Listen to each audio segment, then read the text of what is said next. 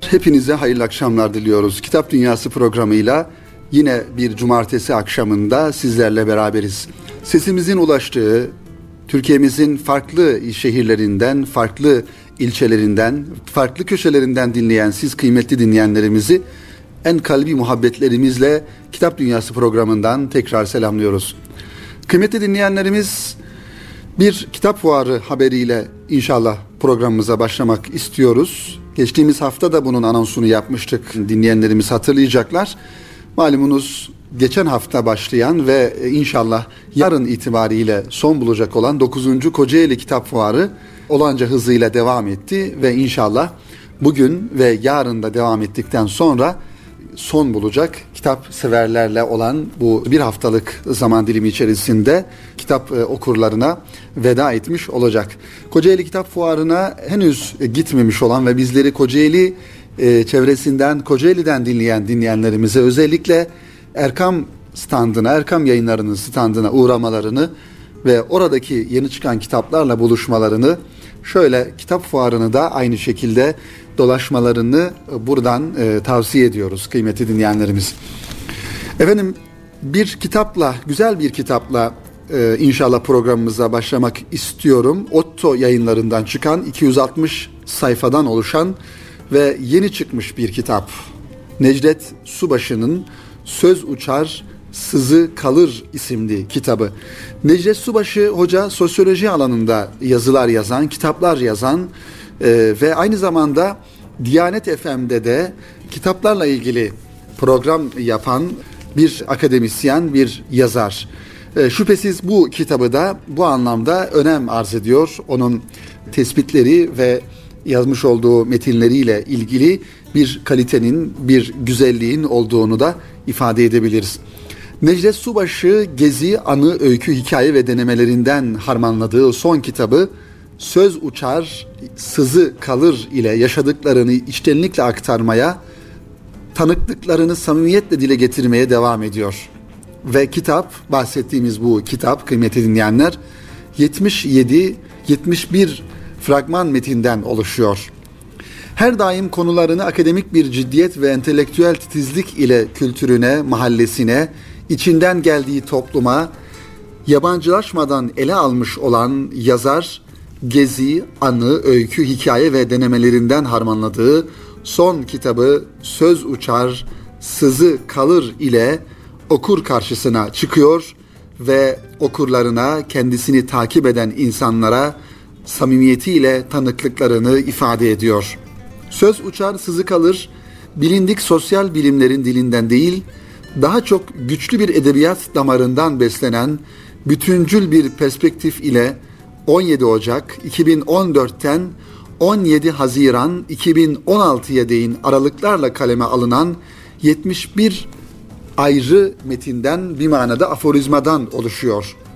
Bu tarzı kıymetli dinleyenler biz Cemil Meriç'in kitaplarında da görüyoruz. Cemil Meriç'in Jurnal 1-2 isimli kitaplarında da aynı şekilde belli bir e, konu olmamakla beraber farklı konulara dair düşüncelerini ve o konuya ait fikirlerini ifade ettiği kısa ama özlü metinlerden e, oluşan e, kitapları bahsettiğimiz bu kitaplar Necdet Subaşı Hoca'nın da işte kaleme almış olduğu bu Söz Uçar Sızı Kalır isimli kitabı da biraz bu kitaplarla benzerlik arz ediyor.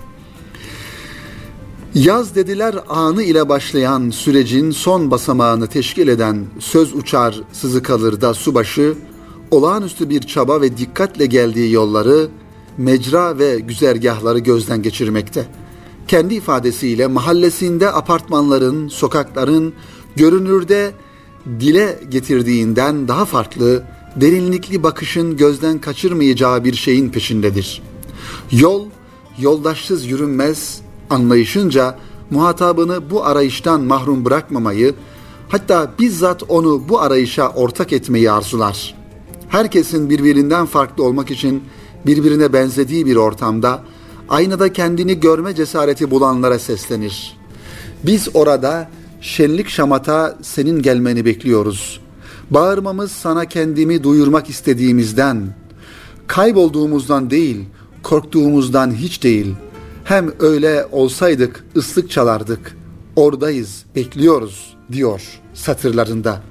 Subaşı kitabını edebiyatta kendine yer açmak için kritikçilerin insafına teslim olmak ya da can sıkıntısından ne dediği belli olmayan karalamalarla milletin tadını tuzunu kaçırmak için yazmamıştır şüphesiz. Kendi kontratıdır. Söz uçar, sızı kalır. Bundan sonraki hayatında kişiliğini rehin vermemek, kimseye gereksiz yere eyvallah dememek için aklı başında, kalbi temiz, vicdan sahibi dostlarına rehin bıraktığı kaporadır bu bir manada bu kaleme aldığı kitap.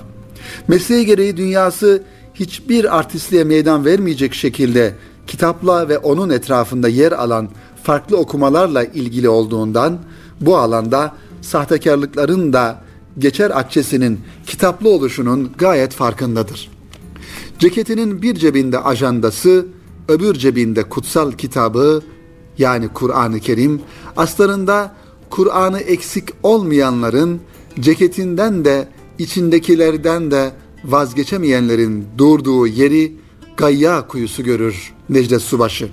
Oralardan beri durmaya çalışır. Allah'a sığınır. Onun kaporası ki işlerin ahbap çavuş ilişkisi ağlarıyla örülerek yürütüldüğü bir dünyada ayağının kaymaması, kalbinin kararmaması, ruhunun daralmaması, aklının devre dışı kalmaması, burnunun bir karış havada olmaması duasına denk düşer. Gördükleriyle, duyduklarıyla, hissettikleriyle başı dertte olan subaşı, Gülten akından mülhem, itip onu balına dadanan bu çağı sevmemiştir. Dertli kekliğin dertlislere dert açması gibi muhatap bildiğine sormadan edemez. İnsan varlığından emin olmadığı bir dünyada nasıl kendisi olabilir ki? Nasıl kendisi olarak kalabilir ki? Bünyamin gibi elinde bir kitap, sırtında büyük bir yükle evine yüz çevirip de sözü düşürmez. Çünkü bilir söz düşerse dünya düşer. Durup düşünmek, etrafı kolaçan etmek için sözün bıraktığı sızıya ihtiyacımız vardır. Onu da bilir yazar. Felsefe okumuş, sosyolojiyle ilgilenmiş, antropolojiyi ihmal etmemiştir. Psikolojiyle derinleşmeyi çok istemiş, siyasete bulaşmamış ama neyin siyaset olduğunu anlayacak kadar hakikatle temas aralığı hep olmuştur.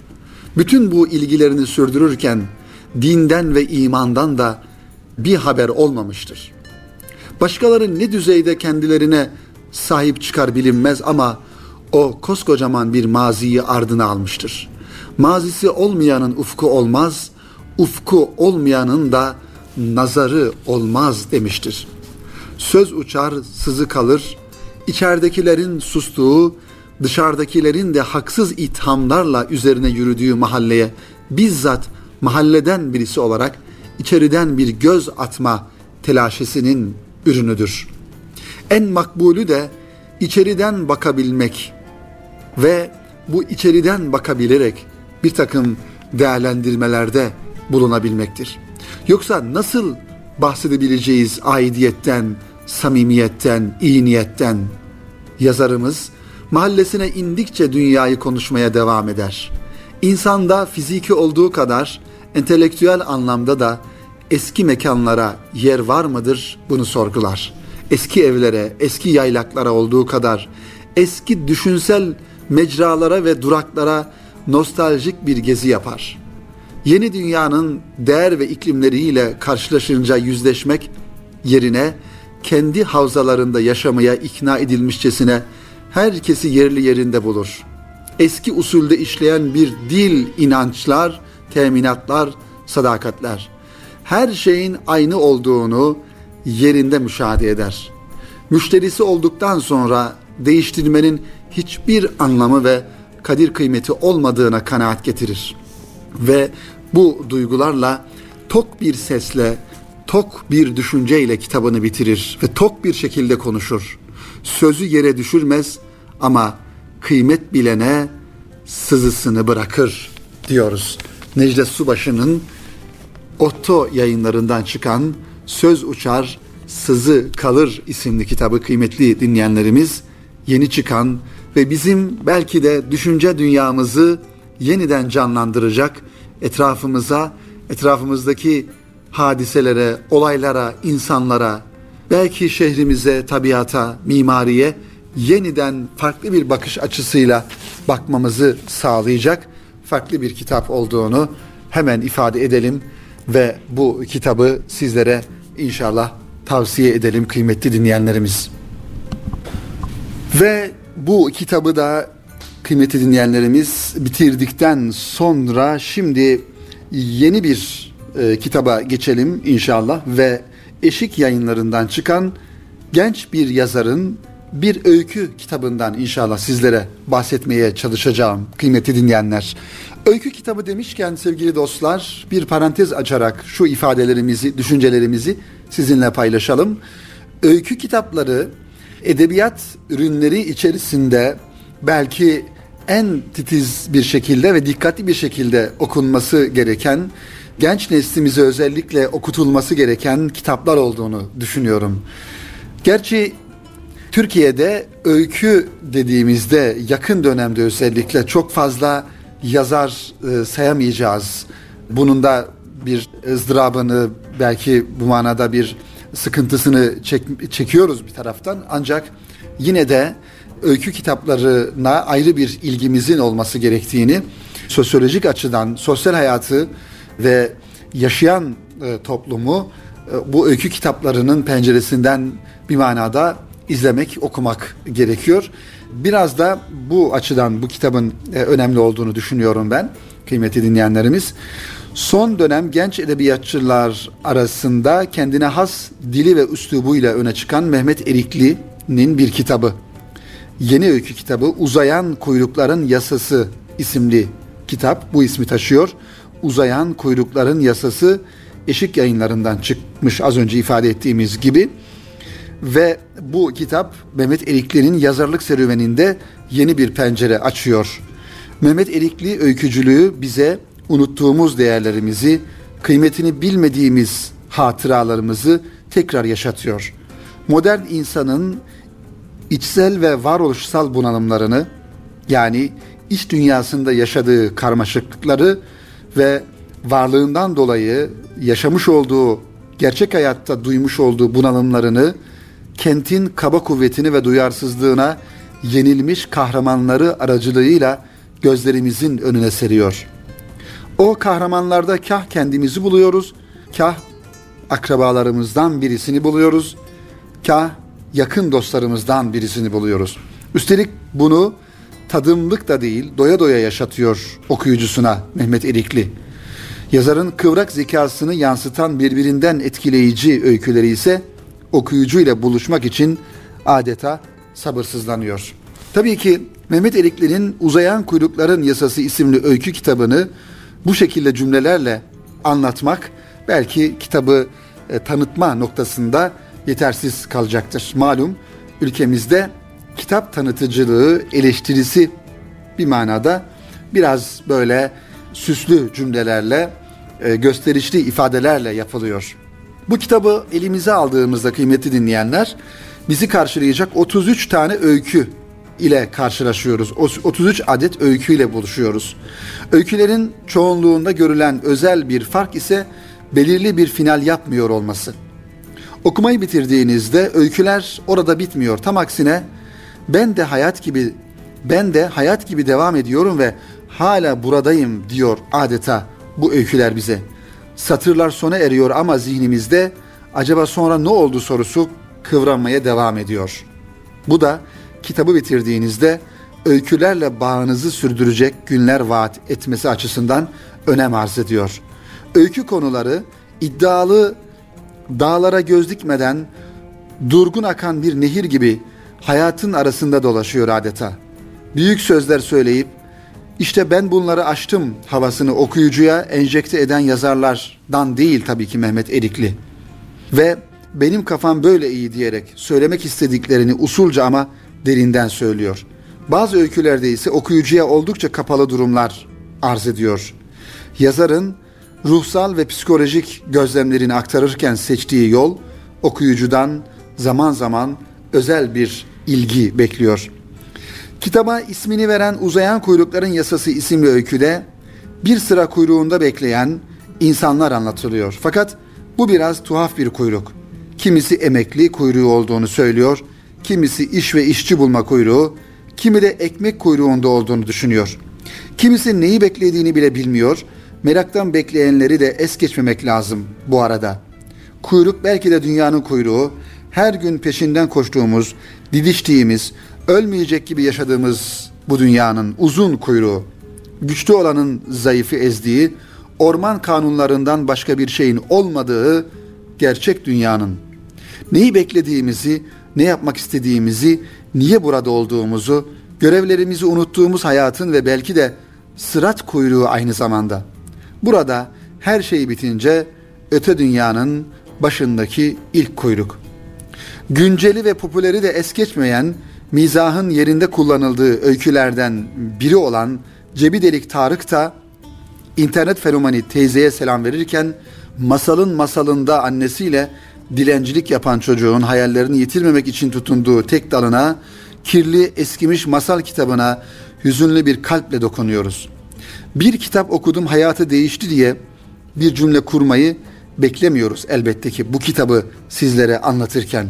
Ama yağmurlu bir sonbahar gecesi bir köşeye çekilip dünyanın gürültüsüne kulaklarımızı tıkayıp omuzumuza elini atıp kulağınıza sessiz cümlelerle konuşacak bir arkadaş arıyorsak bu ve buna benzer öykü kitaplarını mutlaka tercih etmek gerekiyor.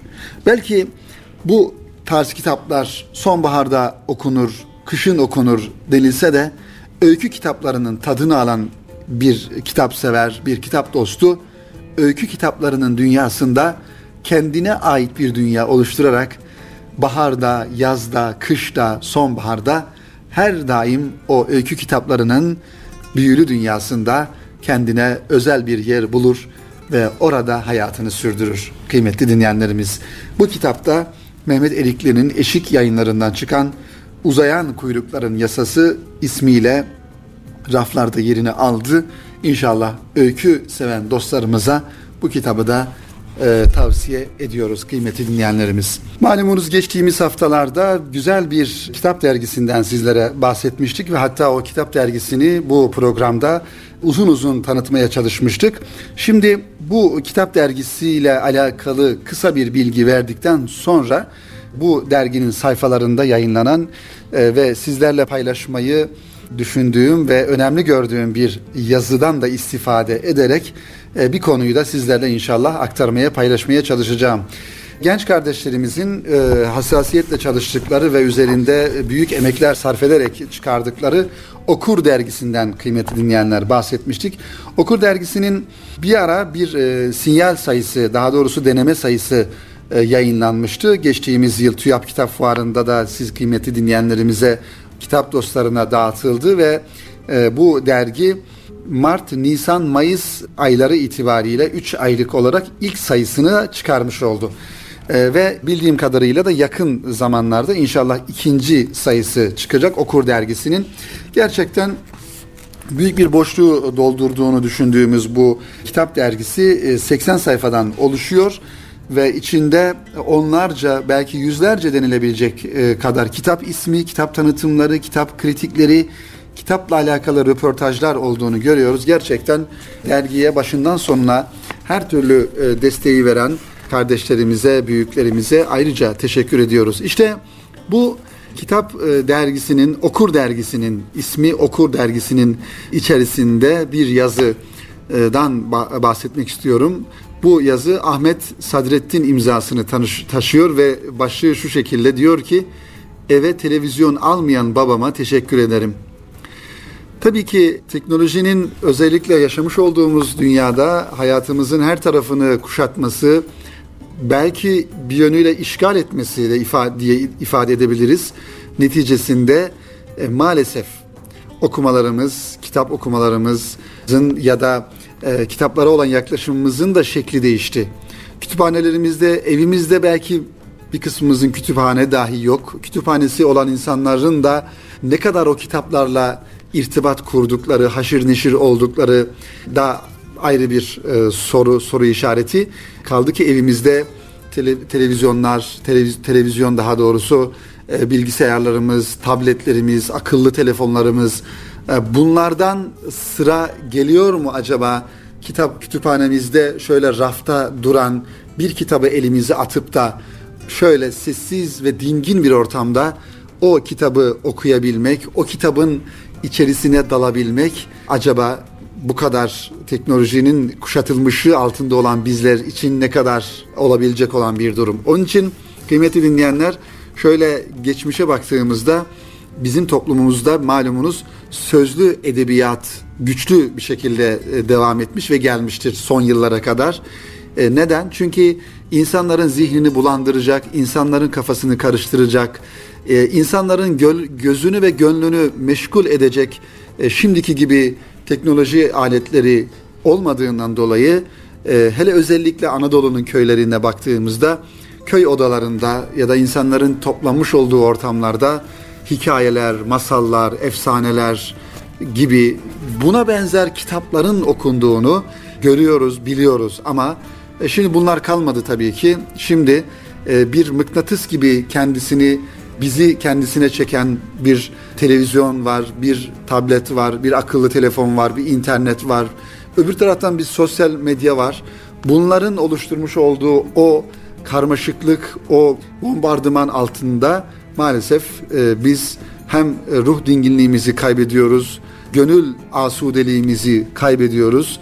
E, dolayısıyla bunlar birer birer nostalji e, olarak hayatımızda kalmış oluyor. İşte Ahmet Sadrettin'in de burada ifade etmeye çalıştığı ve başlığına taşıdığı, yazısının başlığına taşıdığı ifade de herhalde bu duygulardan ileri geliyor. Bakalım neler söylüyor. Dünyanın acemisi olduğumuz günler çocukluğumuz diyor her birimizin başka başka hatıraları vardır hayatımızın bu dönemiyle ilgili. O günleri özleriz, bazen yahut bir vesileyle hatırlar, memnun bir tebessümle hatıralarımız arasına geri yollarız. Benim çocukluğumdan zaman zaman hatırıma düşen de babamla yaptığımız okumalardır diyor.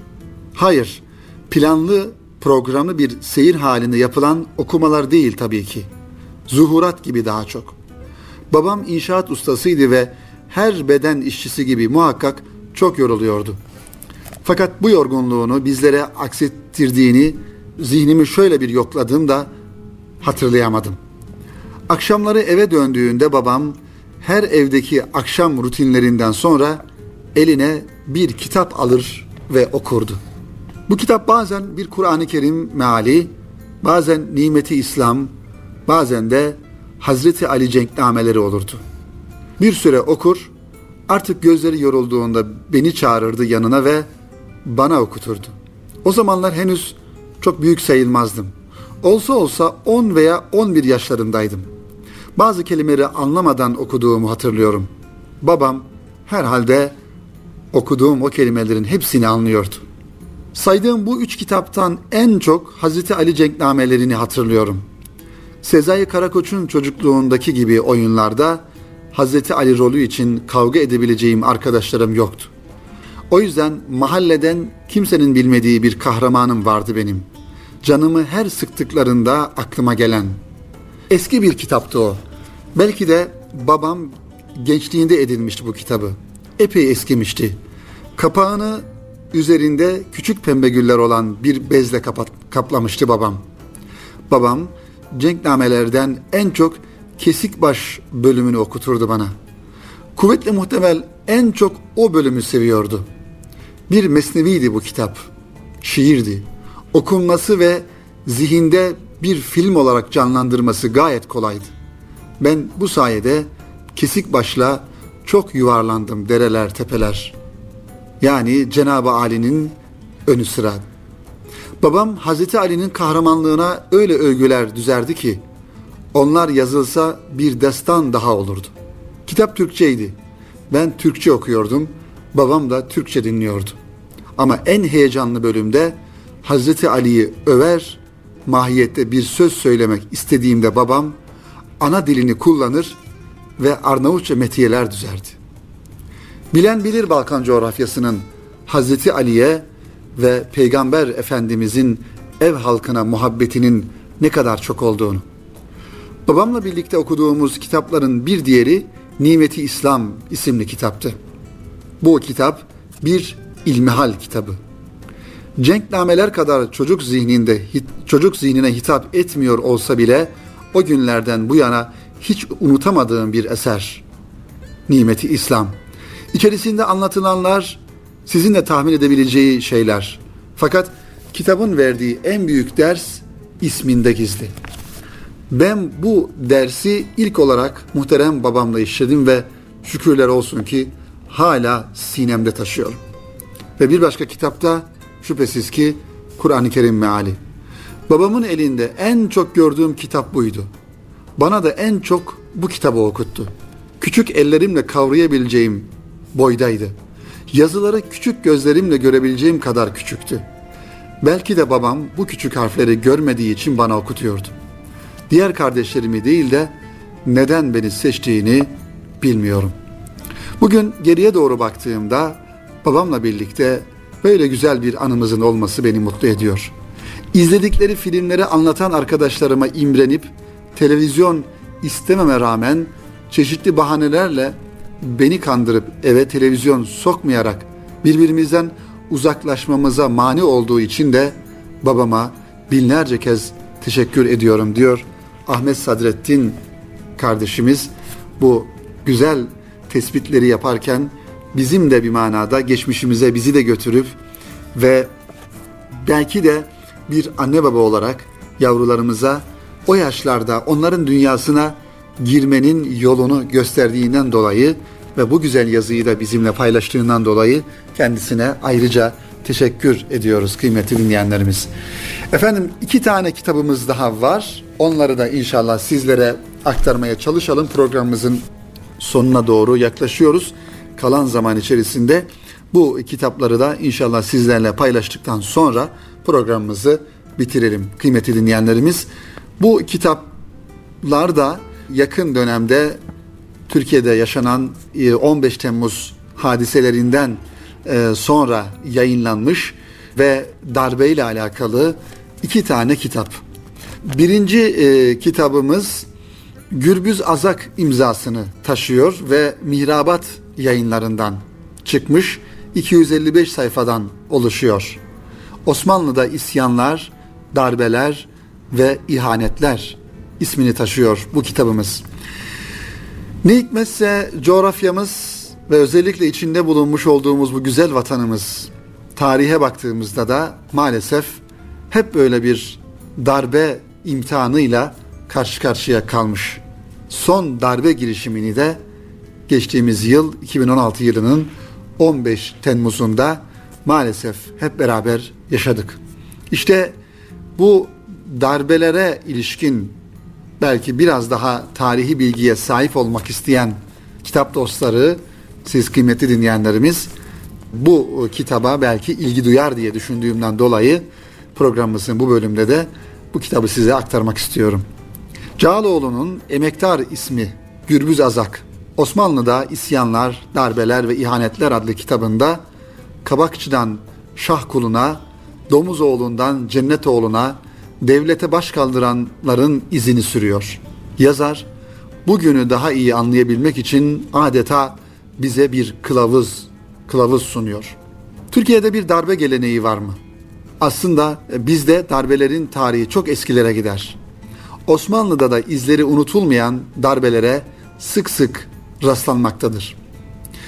Bunlar o devirde kıyam, isyan ve kalkışma şeklinde tanımlanmış ama hepsi de bir ihanet olarak isimlendirilmiştir. 15 Temmuz 2016 tarihinde Türkiye'de yaşanan darbe teşebbüsü ve Türkiye'yi parçalama planı başarısızlıkla sonuçlanmış ve hain darbeciler hak ettikleri cezayı almışlar ve almaya da devam ediyorlar. Bu tarihten itibaren de toplumda darbelerin tarihine ilgi giderek artmıştır. İşte Babali'nin usta ismi Gürbüz Azak, Osmanlı tarihi boyunca meydana gelen isyan, darbe ve ihanet hareketlerini topluca bizlere bu eserde sunuyor. Bu teşebbüslerin sonuçları ve padişahları devirmek isteyenlerin kötü akıbetleri bir film şeridi gibi gözler önüne seriliyor. Osmanlı sarayına kafa tutanlar ve padişahları tahtlarından indirip kendi heves ve isteklerine uygun kişileri o makamlara oturtmak isteyenler genelde hezimetle neticelenen bu teşebbüsleriyle hem toplumda lanetlenmiş hem de şiddetle cezalandırılmışlardır. Bugünü daha iyi anlayabilmek için dünü bilmek ve anlamak gerekiyor. Peki Osmanlı'da başlıca hangi darbelere şahit oluyoruz? Kimler isyan etmiş, kimler kıyama kalkışmış? Birkaçını sayalım. Topal Demir, Simavna Kadısoğlu Şeyh Bedreddin, Şahkulu, Bozoklu Celal, Hain Ahmet Paşa, Baba Zünnun, Düzmece Mustafa, Patronu Halil, Karayazıcı Can Bulatoğlu, Abaza Mehmet, Topal Recep Paşa, Vardar Ali Paşa, Kavalalı Mehmet Ali Paşa, Kabakçı ve diğerleri. Bu isyancıların hepsi mağlup edilmişlerdir. Tarihimizin derinliklerine doğru fikri bir seyahat yaptığımızda üç kıtada hüküm ferma olan ve devlet ebed müddet olarak altı küsür asır boyunca hakimiyetini devam ettiren Osmanlı Devleti'ne ayak diretenlerin, çelme takanların, yan gözle bakanların, kumpas kuranların ve ihanet şebekelerine dahil olanların her zaman hüsrana uğradıklarını ve feci akıbete düçar olduklarını görüyoruz. Geçmişte yaşananlar ve mazide bıraktıklarımız için hiç ibret alınsaydı tekerrür mü ederdi denir ya doğrudur. Şayet tarihimizde dün yaşanmış ihanetleri gözümüzün önünden düşürmezsek, onları nisyan kuyusuna atmazsak, diri, uyanık ve teyakkuz halinde olursak, o ihanet güruhlara yol bulup günümüze ulaşamaz. Osmanlı'da isyanlar, darbeler ve ihanetler kitabı bir solukta okunuyor. Okuyucu, Gürbüz Azak'ın nefis Türkçesiyle kaleme alınan eseri okurken bazen hüzünleniyor, çoğu zaman da tarih boyunca cereyan eden olayları ibretle seyrediyor kıymeti dinleyenlerimiz. İşte Mihrabat yayınlarından çıkan bu kitap Osmanlı'da isyanlar, darbeler ve ihanetler Gürbüz Azak imzasıyla karşımıza çıkıyor. Buna benzer ve yine 15 Temmuz'u bize anlatan başka bir kitapta yine aynı yayın evinden Mehmet Nuri Yardım imzasını taşıyor. Onun ismi de İstiklal'den İstikbale kitabı. Türkiye 15 Temmuz 2016 tarihinde sadece alçak ve kanlı bir darbe teşebbüsü ile karşı karşıya kalmadı.